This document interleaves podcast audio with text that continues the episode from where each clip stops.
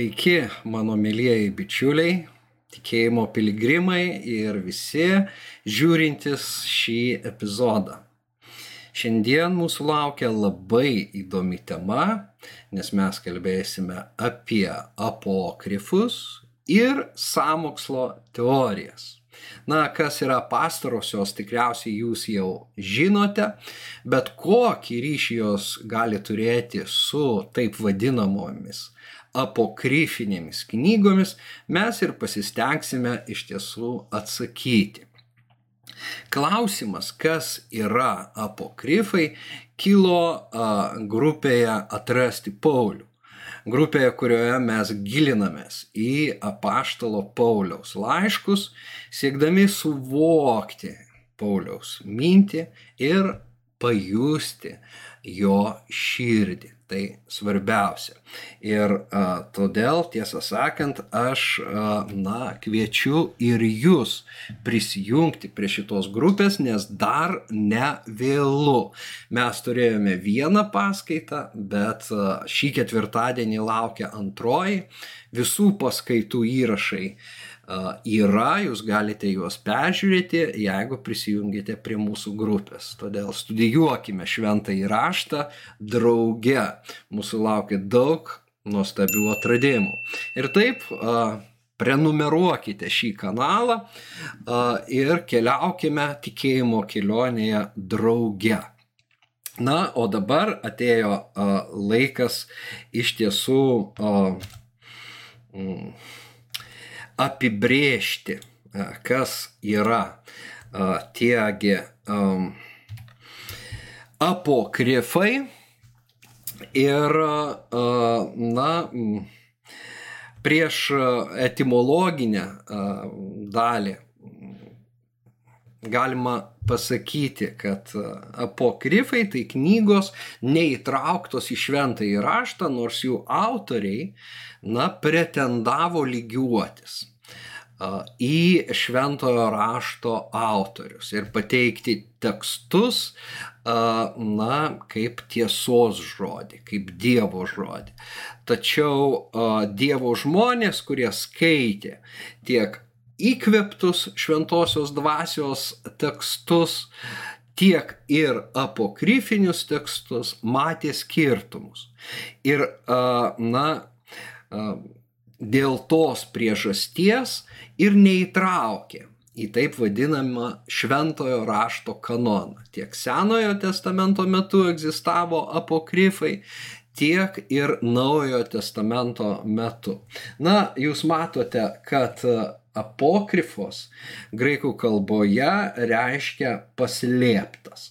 Ir aš išrašiau laiško kolosiečiams vieną eilutę, graikų kalba, kuriame, e, kurioje sutinkame žodį apokrifoj, daugiskaitoje. Nu, tai vat tikrai tai mūsų tema, bet e, aišku, jinai verčiama yra visai e, kitaip. Na, negu apokryfinės knygos, kalba Pauliaus laiškė ne apie jas, bet pats žodis yra vartojamas, kalbant apie Jėzų Kristų, kuriame yra paslėpti visi išminties ir pažinimo turtai. Tai vad paslėpti tie turtai, iš tiesų ir yra apokrifiniai turtai, paslėpti turtai. Na ir ta apokrifinių autorių intencija iš tiesų kartais ir būdavo pateikti kažką paslėpto, kažką tai dar žmonėms negirdėto, nežinomo. Na ir tai buvo tas arkliukas, ant kurio jie mėgino joti. Lotynų kalba pasiskolino graikišką žodį ir taip pat turi apokrifus lotynišką žodį, kuris pradėtas naudoti jau taikyti konkrečiai neiškios kilmės tekstams ir į šventojo rašto kanoną neįtrauktoms knygoms apibūdinti.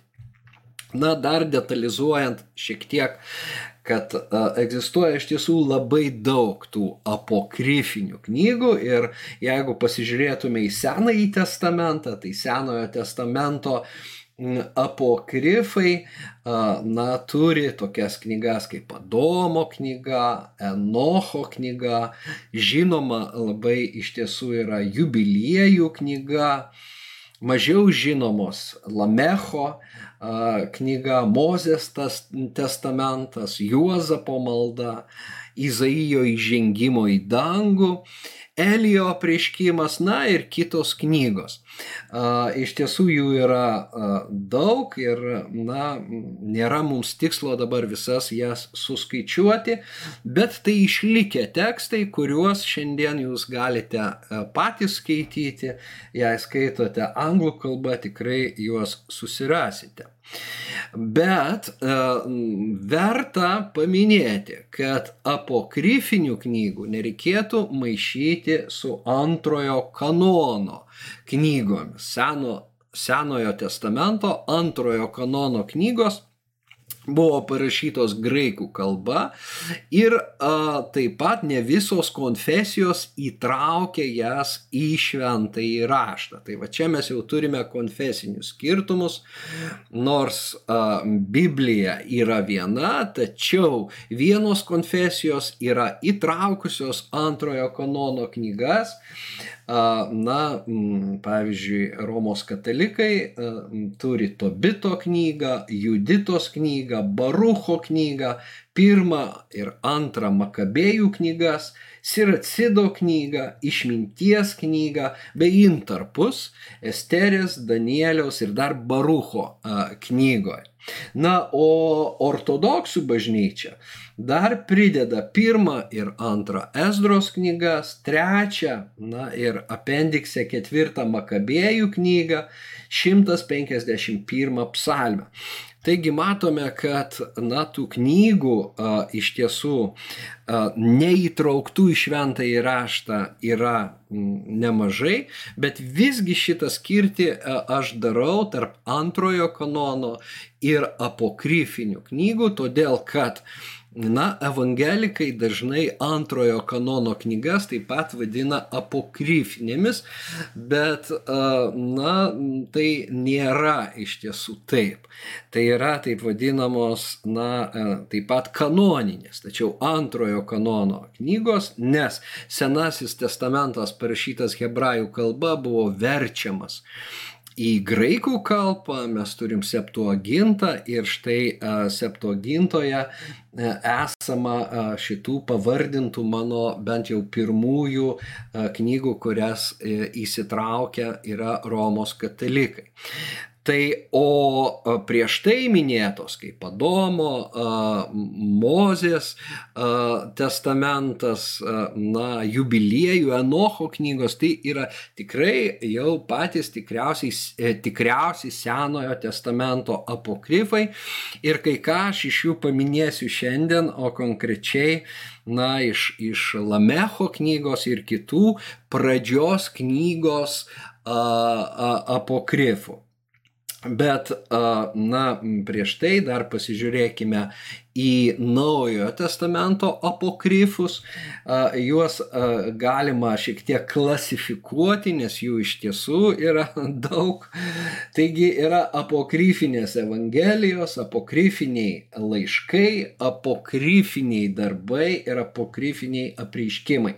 Kaip matome, visa tai, kas yra Naujajame testamente, e, e, keturios evangelijos, apaštalų darbai, laiškai, apaštalų apaštalo Pauliaus, Jono, Jokūbo, Petro, Judo, na ir Jono prieškimas, tai lygiai taip pat ir apokryfiniai tekstai turi ir tuos žanrus, tuos stilius, sakykime, pretenduoja, na, lygiuojasi, kaip jau minėjau, į kanoninės knygas. Ir štai, na, tarp evangelijų galim paminėti, čia ta, šitas sąrašas tikrai jų neišsėmė. Evangelija pagal Hebrajus, Tomo Evangeliją, Petro Evangeliją, Pilypo Evangeliją, Nikodemo ir kitas Evangelijas. Na, iš laiškų, tai laišką laodikiečiams, kaip žinia, laiškė kolosiečiams Paulius mini, kad kai gausite laišką iš la, laodikėjos, perskaitykite jį, na ir kažkas su, m, jį jau ir parašo tą laišką ir pristato, kad tai yra Pauliaus laiškas rašytas laodikiečiams, tačiau stilius naudojama na, leksika, žodžiai yra visai nebūdingi apaštalui Pauliui ir lengvai galim nustatyti, kad tai jau yra apokryfinis tekstas. Labai įdomu yra Pauliaus ir Senekos, na, Pauliaus amžininko stoiko Senekos korespondencija. Na, bet tai yra fantazijos vaisius ir, na, be abejo, būtų labai įdomu iš tiesų, jei Paulius būtų iš tiesų šnekėjęsis laiškai su Seneka. Laiškas Aleksandriečiams, Lentulo, trumpieji laiškai ir dar kiti laiškai. Prie apokrifinių darbų paminėtini Pauliaus darbai, Petro darbai, Jono darbai, Andrėjaus darbai, taigi tikrai apaštalų darbai, bet kiekvieno atskirai. Na, o prie prieiškimų Petro, Pauliaus, Tomo, Bartolomėjaus ir taip pat Jokūbo laiškas a, priskiriamas apokaliptiniam žanrui. Na va, taigi apžvelgia na, tiek Senojo, tiek Naujojo testamento apokrifus, sustokime ties Pauliaus darbais, nes aš būtent perskaičiau šį tekstą visai neseniai ir, na, noriu kai kuriuos dalykus įvardinti, nes jie mane užvedė na, sakykime taip, ant va šito kelio, kurį, na, aš šiandien ir dėstau jums, na, suteikia minčių, kuriomis dalinuosi, na, su jumis. O, um, Pauliaus darbuose iš tiesų, um, na, Pauliaus darbai turi dar tas mažesnės knygas ir yra, um, na, ta pirmoji knyga vadinama dar Pauliaus ir Teklos darbai. Uh, jinai tikrai neilga, jūs galite ją perskaityti patys, bet būtent Pauliaus ir Teklos darbuose uh, yra Pauliaus portreto gan detalaus portreto aprašas. Taigi iš Pauliaus darbų, vat, iš šito apokrifinio teksto mes, na, tariamai sužinome, kaip atrodė apaštalas Paulius, nes jo laiškuose Naujajame testamente mes nerandame na, aprašo kaip jis atrodė, nei Lukas, nei, nei jis pats, na, to mums nepaliko. O štai šio teksto autorius kalba apie tai, kad Pauliaus išėjo pasitikti Onesiforas. Jį mes sutinkame iš tiesų Pauliaus laiškuose Timotiejui, antrame laiške Timotiejui. Ir Onesiforas yra geras žmogus, o štai Demas paliko Paulių. Ir jis taip pat minimas. Nes Paulius atkeliauja į uh, uh, ikonijų iš Listros, būtent lydimas Demo ir dar vieno bendražygio, kurie čia pat yra įvardinami, na, kaip veidmainingi darbininkai ir Pauliaus na, bendra keleiviai. Bet Onisiforas, skaitome, ėjo karaliaus keliu į listrą, nužvelgdamas praeivius pagal Tito apibūdinimą. Jis nematęs Pauliaus, tačiau Titas jam nupasakojo, kaip atrodo apaštalas. Ir štai jis regi ateinantį Paulių, nedidelio ūgio vyrą, praplikusi arba net visai plika, kreivomis kojomis, bet kilnios išvaizdos. Įdubusiomis akimis, kai kurie vertimai sako, antakiai sueina jo, kumpa nosimi, ar net kreiva nosimi, pilna malonės. Tai jis atrodė kaip žmogus, tai kaip turintis angelo veidą. O Nesiforas tarė, sveikas palaimintojo Dievo tarne, Paulius atsakė, malonė su tavimi ir tavo šeima. Štai, na, koks buvo tas apaštalas Paulius ir šis aprašas darė įtaką ir vėliau gimusiems apaštalo portretams. Tačiau vargiai ar mes galim pasitikėti, kad, na, Paulius iš tiesų atrodė taip. Kažkiek tai gal labai mažai tikėtina. Bet žiūrint į šitą tekstą plačiau, na ir šita Pauliaus portreto detalė uh, tampa labai dviejotina, bet šitoj vietoj aš noriu pasakyti štai kokį dalyką. Kad Dievo žmonių išvaizdos aprašymus mes sutinkame jau Senojo testamento apokrifinėse knygose. Jų mažai kanoninėse knygose. Nes kanoninėse knygose šventasis raštas iš tiesų, na, mums atskleidžia Dievo išgelbėjimo planą. Dievo apreiškimas ne, na, sakykime, aplenkia detalės, ne, jo autoriams detalės, ypač kurios liečia, na, sakytume, tą kūnišką žmogų arba kūną, ne dvasę žmogaus, ne širdį, bet kūną, nebuvo reikšmingos. Bet mums skaitytojams visada yra smalsu, na, kaip ir tas klausimas, o kaip atrodė mūsų viešpats kūne. Na va, tačiau jo prisikėlimas ir tai, kad net artimiausi mokiniai jo nebepažįsta, sufleruoja, kad ne kūno na, viešpaties mes turėtume ieškoti na, detalių, kaipgi jis, į ką jis buvo panašus, koks tas buvo kūnas, kuriame apsigyveno viešpats, bet jo širdies jo dvasios ir prisipildyti tą dvasę. Bet štai Senajame testamente, na, irgi žmonės norėjo sužinoti daugiau detalių. Na ir tarkime, Lamechas, Nojaus tėvas, dvėjojo dėl a, gimus Nojaus, dėl ar tai jo sunus na, būtent Lamecho apokrifinė knyga vat, pasakoja tokį naratyvą, kad jis žmonos klausė, ar tai tikrai mano vaikas. Na ir jo a, žmona a, Batenoša yra toks jos vardas, e, ten atsako, kad taip, tai tikrai tavo vaikas. Ir, na, kaip tu gali nepasitikėti manim, tai, tai tavo palikonis, tai iš tavo sėklos gimęs vaikas.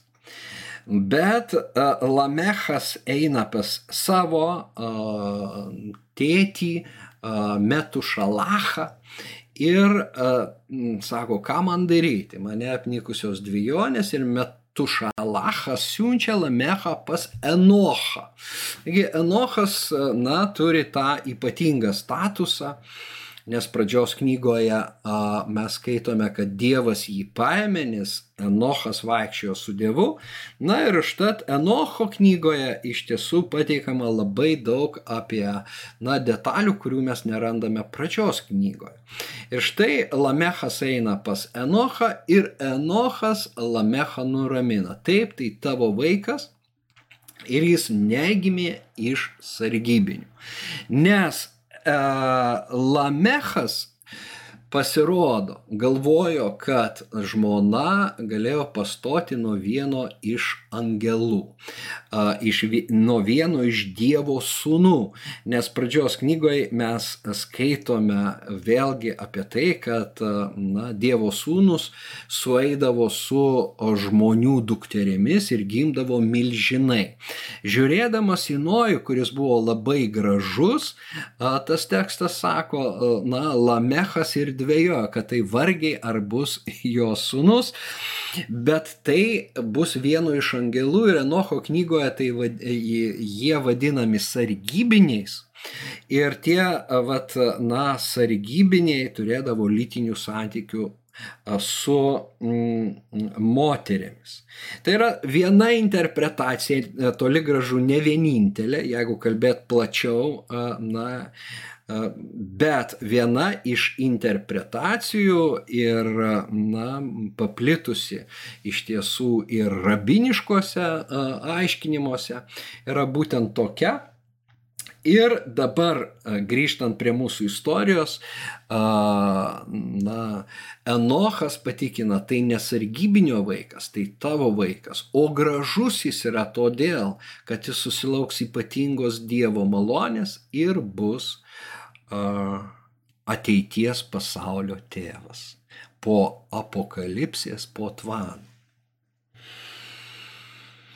Be abejo, pradžios knygoje mes a, tokio teksto neturim. Taigi apokrifinės knygos tarsi stengiasi užpildyti smalsaus a, skaitytojo spragas ir pateikti daug įdomių faktų panašiai apdainuojamas yra Saros grožis. Nu, ne tai, kad panašiai, bet šita tema iškyla Abromo žmonos Saros, apie kurią Abromas pats yra pasakęs, tu esi graži moteris pradžioj, pradžios knygoje.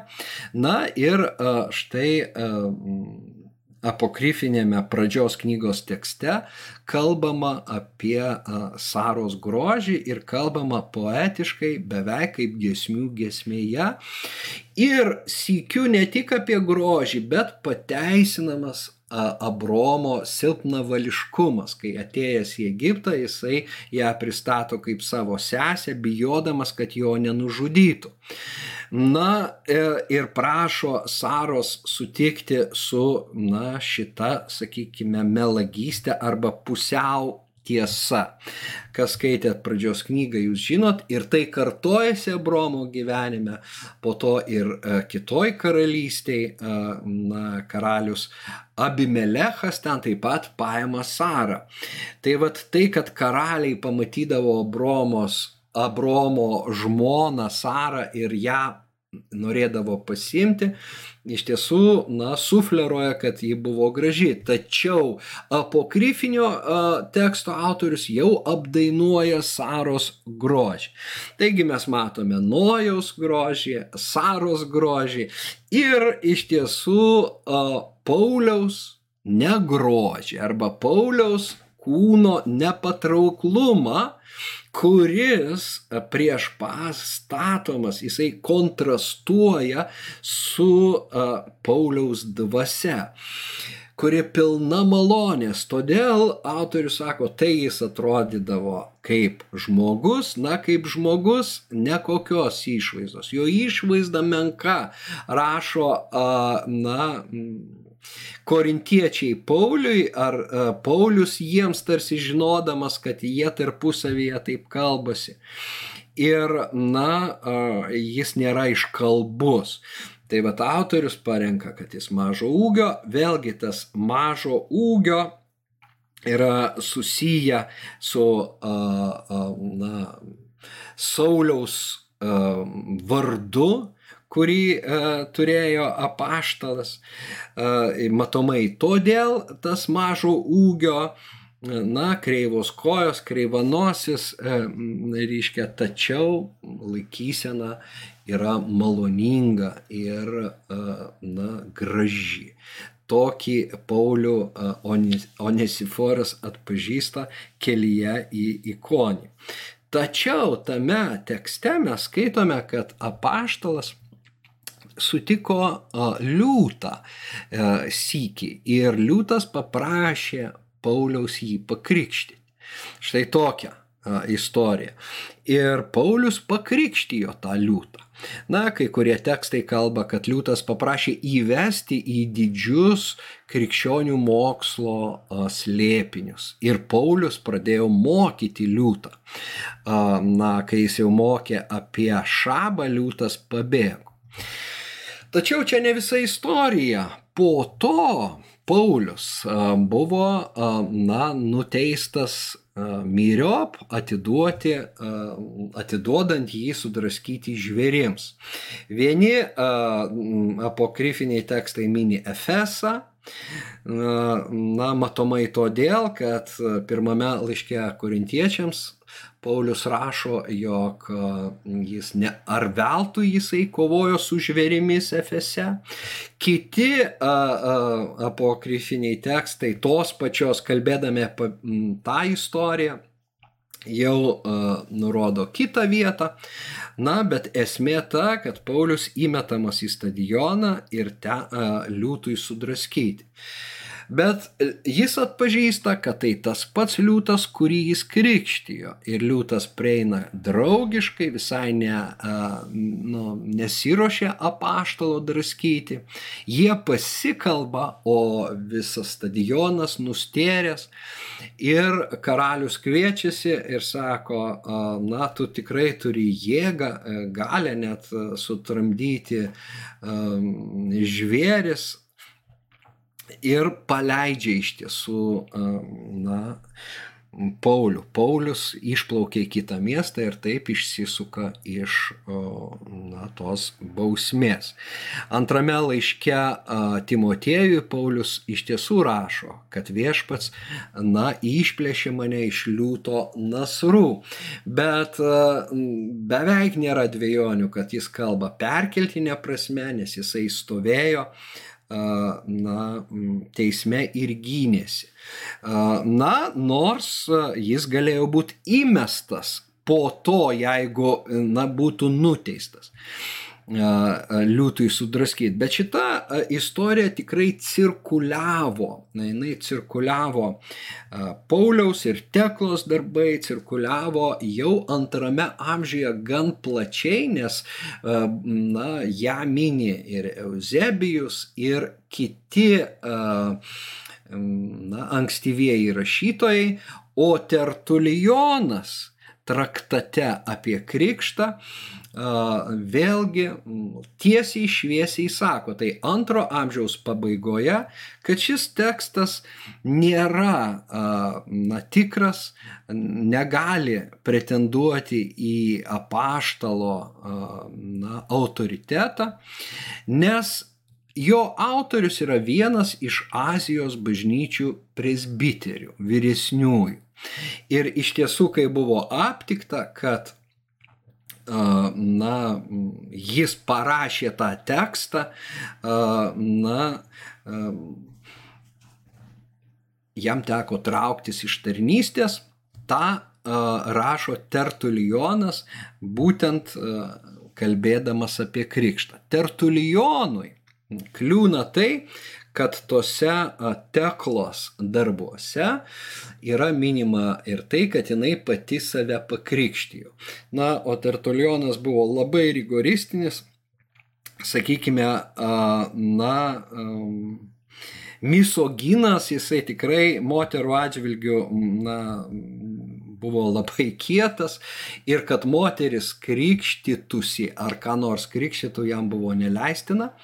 Ir jisai sako, ne visi šitie darbai tai yra klastoti ir net mm, žinomas jų autorius.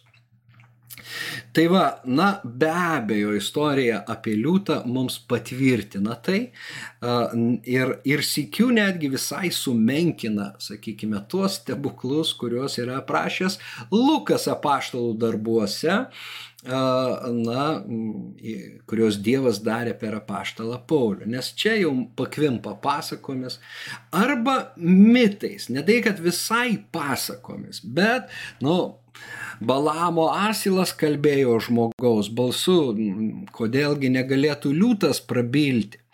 Bet yra dar vienas labai įdomus tekstas, kurį atrado jau žymiai vėliau biblistai, tyrėjai ir XIX amžiuje į jį atkreiptas, dėmesys ir vat, apokryfinių knygų tyrėjai jau cituoja pagonišką tekstą su praktiškai identiška istorija, liūto istorija.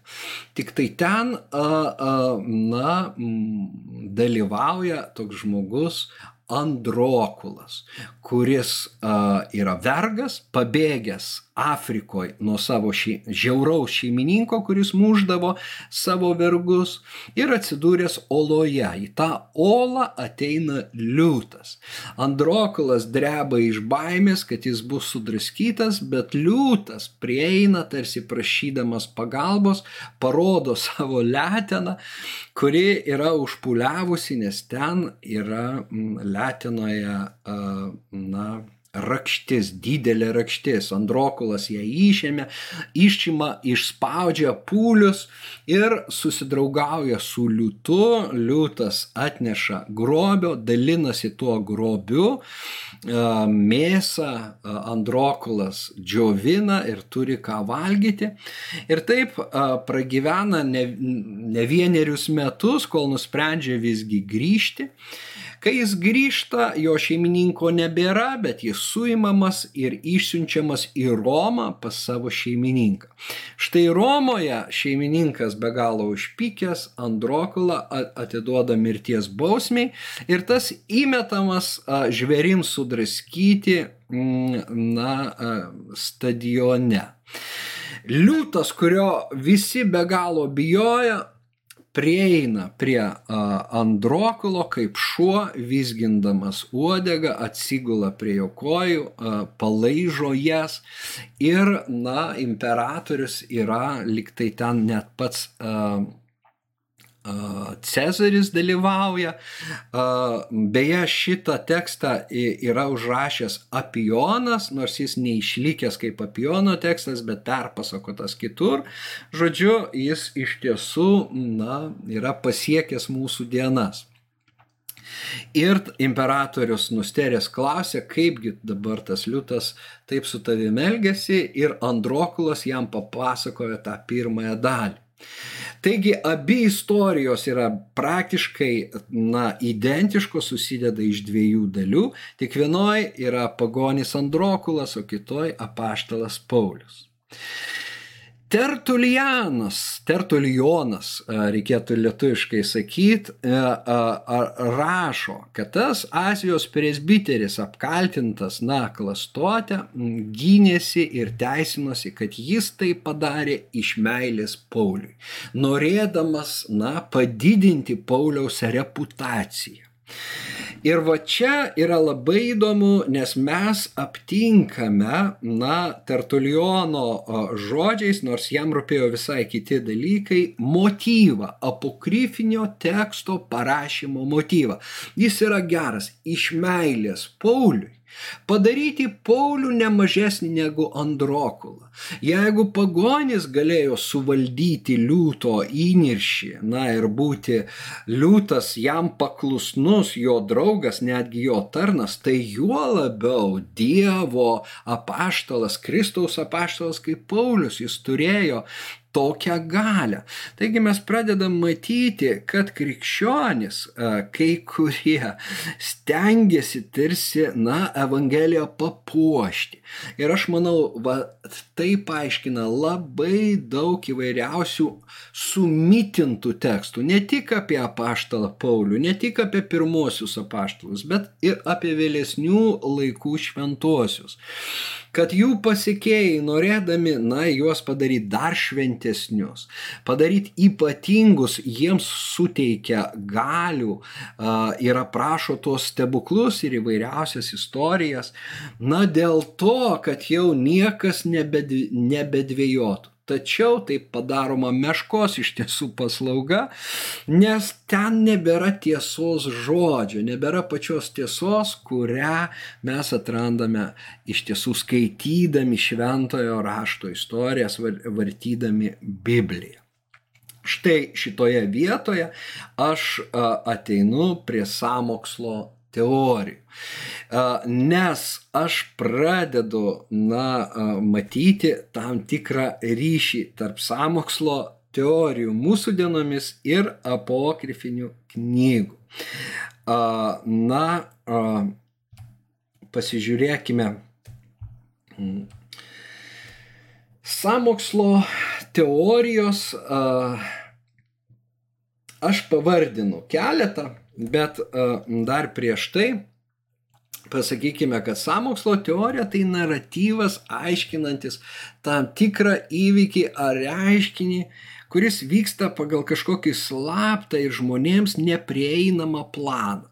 Na, samokslininkų planą. Todėl jis, jis dažniausiai yra blogas. Apokryfiniuose tekstuose tarsi, na, ten nieko blogo ir nėra, Apart to, kad, na, skaitytojai nežino kažkokio ypatingo dalyko arba kažkokių detalių, kurios buvo nepapasakotos a, Biblijos autorių ir jos, na, kaip tokie kozeriai metamos ant stalo. Kažkas paslėpto, vat, apokrifiško, ar ne? Ir pasak samokslo arba, na, konspiracijos, anglai sako, konspiracijos teorijos. Kažkas labai svarbaus būtent ir slepiama nuo tų paprastų žmonių. Ir slepia valdžia paprastai, slepia dabar jau tikrai žiniasklaida, kad jie yra susimokę ir nori mus apgauti, įvykdydami kažkokius tai piktus kėsmus. Na, va čia va paminėtini Siono išminčių protokolai, protokolai Sionskих mudrecov, tekstas publikuotas 1903 metais, po to perspausdintas, padaręs milžinišką įtaką. E, tai yra antisemitinis tekstas, kuriame tariamai žydų, e, na,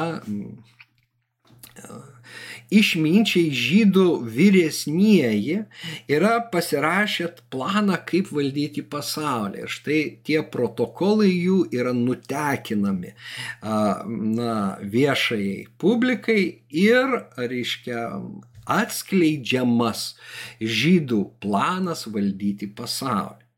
Be abejo, tos antisemitinės nuotaikos labai pakyla ir netgi aš skaičiau, kad atėjus Hitleriui į valdžią šitas tekstas, vat, išminčių protokolai Siono, buvo privalomas.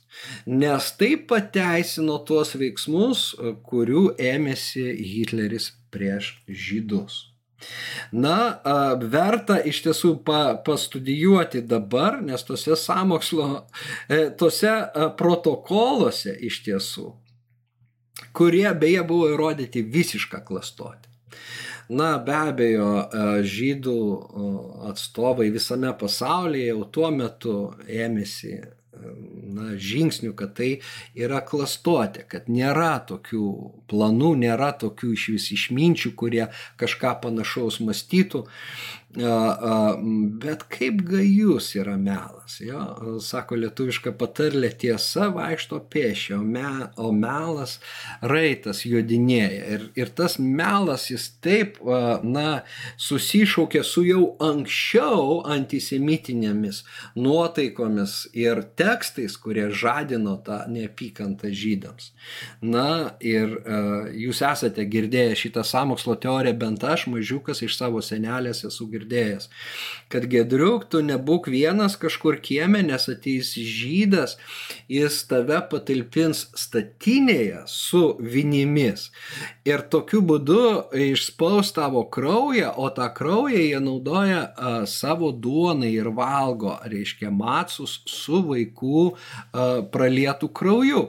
Pasirodo, tai nuo 12 amžiaus, na, skleidžiama, jau bent jau dokumentuota, kad nuo 12 amžiaus skleidžiamas, na, va, ta samokslo teorija, pati tikriausia, mitas, bet, bet samokslo teorija.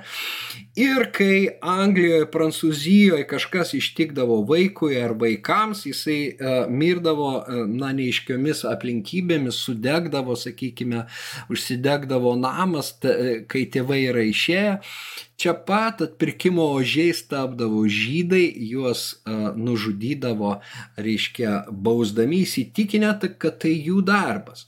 Na, Hitleris, reiškia, ėmėsi plataus masto genocido ir sunaikino 6 milijonus nekaltų gyvybių, vadovaudamasis samokslo teorijomis. Taigi samokslo teorijos šiandien jos nėra tokios neutralios, jos skamba galbūt primityviai kai kam ir net juokingai, bet iš tiesų juose dažniausiai yra neapykantos sėklos ir ta neapykanta veda į smurtą, į smurto proveržius. E, todėl aš labai, e, na, e, kviečiu atsakingai žiūrėti. Ir prieš priemant kažkokį tai, na, kažkokią idėją kaip tiesą, tikrai patirinėti, ar taip yra, kad netaptume iš tiesų piktavalių žmonių, na, įrankiais, skleisdami tas melagienas, uh, netaptume šūdmalą, užsiemantis žmonės. Tai va, nes ten yra to, na, pikto prado. Bet gerai. Kita samokslo teorija. Amerikiečių kosmonautai niekada nebuvo menulyje. Nu, iš tiesų tai sufabrikuota visa, nufilmuota. NASA meluoja. Apskritai Žemė plokščia ir neįmanoma iš jos pakilti į kosmosą. Na, tai absoliučiai reiškia visi, e, na, su kosmosu e, kažką bendro turintys žmonės yra susimokę mus apgauti. Tiesa kitokia, neapvalita žemė, o plokščia. Na ir tarp krikščionių šitos idėjos yra beveik šventos tapusios. Kai kurių krikščionių ratuose, man pačiam teko skaityti, žmogus sako, aš skeptiškai žiūrėjau, bet va štai tokio mėnesio, tokią dieną atsiverčiau, jis atsimena netgi dieną. Jam atėjo prieškimas, kad Žemė yra plokščia. Nežiūrint tų, na reiškia, tūkstančių fotografijų ir, na, reiškia, įrašų iš kosmoso, kad mūsų Žemė apvali ir tai yra nuostabu, jinai žymiai gražesnė apvali nei plokščia, vis tiek yra tikima uh, samokslo teorija, nes neva tai netitinka Biblijos aprašymų. Na, uh, ne, nedetalizuosiu toliau, bet pavyzdžiui labai paplitusi buvo vienu metu teorija samokslo, kad New Yorko dangoraižius sunaikino ne islamo teroristai, o pats prezidentas George'as W. Bushas na, pas, reiškia, iš tiesų, vat, kaip ir pasinaudojęs tą grėsmę iš, iš Al-Qaidos, jisai, reiškia, įvykdė savo nedorą planą. Na, o kil, kilus COVID pandemijai mes turime tas, na, teorijas be skaičiaus iš tiesų, kaip antai, kad mobilaus ryšio 5G operatoriai, kompanijos, kurios nori plėsti tą technologiją, iš tiesų, na, prisidėjo prie pandemijos plitimo. Na, o vakcinos daro žmonės magnetiškai valdomus per 5G ryšį. Na, fantazijai ribų nėra, toliau kalbama, kad skiepai implantuoja iš tiesų mikročipus nematomus. Ir žmogus tampa priklausomas nuo valdžios, valdžia jį pilnai gali kontroliuoti, per, stebėti per tą implantuotą mikročipą. Tada dalis krikščionių dar prideda iš apreiškimo knygos išrautą eilutę, kad, na, a, a, reiškia, antikristo ženklas 666 bus klyjuojamas, dedamas ant kaktos, tai čia greičiausiai ir yra išsipildymas tos pranašystės apie šias dienas ir apie šitos skiepus. Ir taip toliau jūs patys galite dar daugiau praplėsti na, tas teorijas. Dažnai už jų stovi galingieji, turtingieji kaip Bill Gatesas arba Džordžas Sorošas. Ir, na, pastarasis apskritai dar ir e, žydas, pagal samokslo teorijas iš, tiek, iš tiesų tarnavęs naciams, reiškia, ir taip toliau. Daug tų melagienų yra paskleista. Bet lygiai kaip Siono išminčių protokoluose aš įžvelgiu, na, a, Išvelgiu kaip apokryfinėse knygose tą, reiškia, nustebinimo efekto sieki, kažkokios tai informacijos, kuri neprieinama, tu negausi jos iš žiniasklaidos, nes jinai visa taip pat yra susimokiusi arba nupirkta to paties Džordžo Sorošo.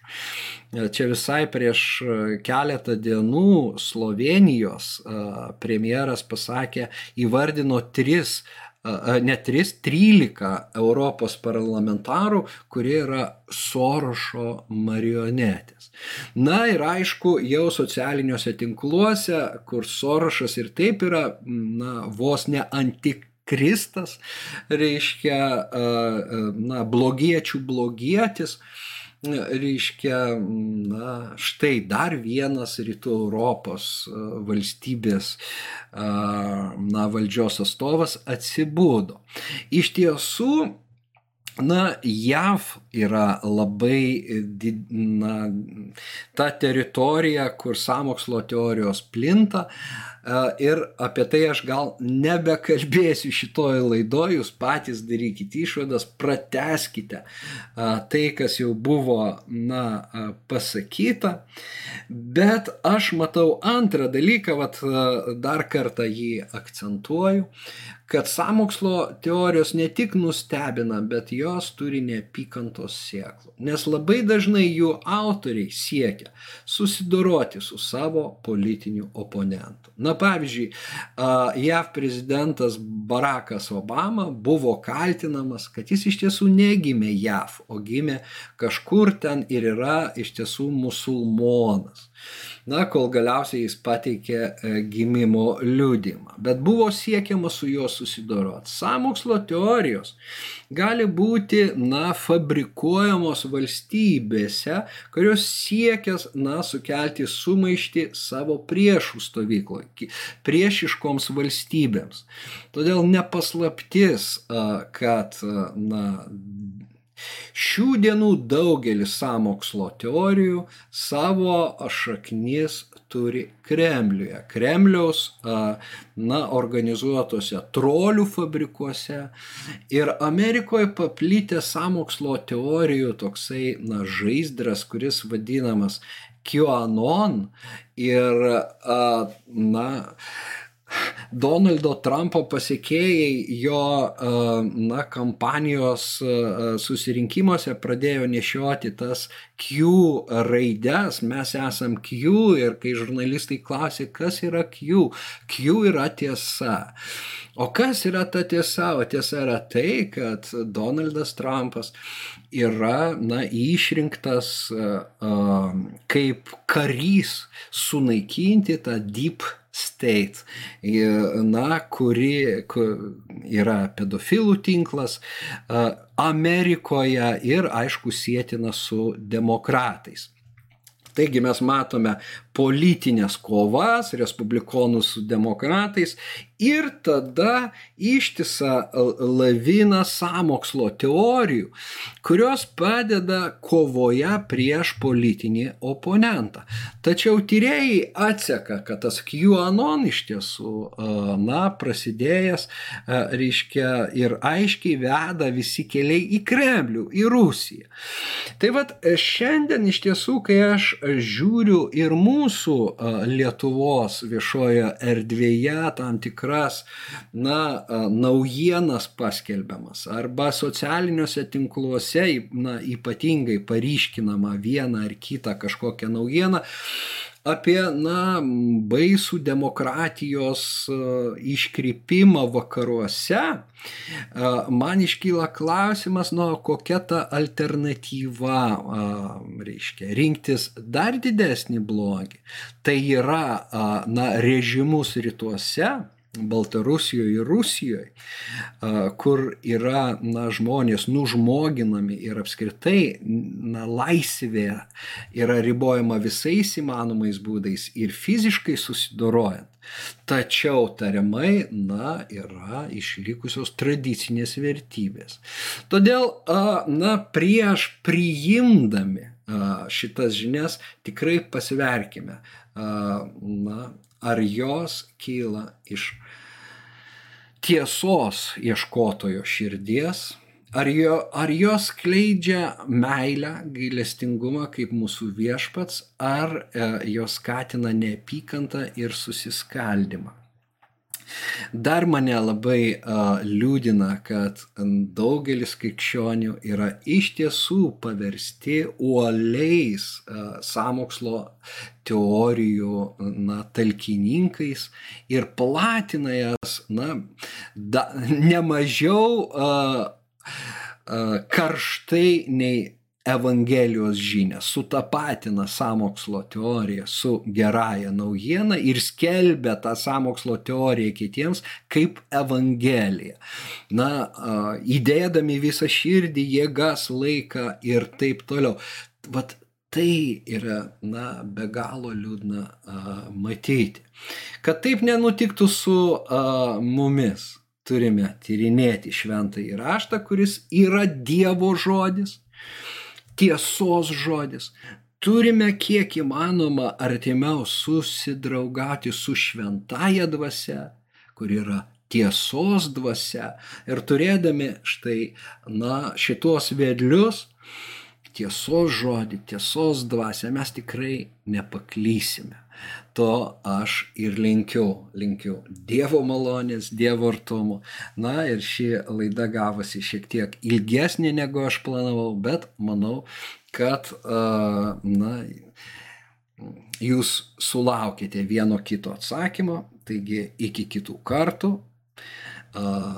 Jei turite širdį tokį norą, paremkite šį kanalą, paremkite na, šias laidas ir iš tiesų dar kartą Dievo malonės ir ramybės jums.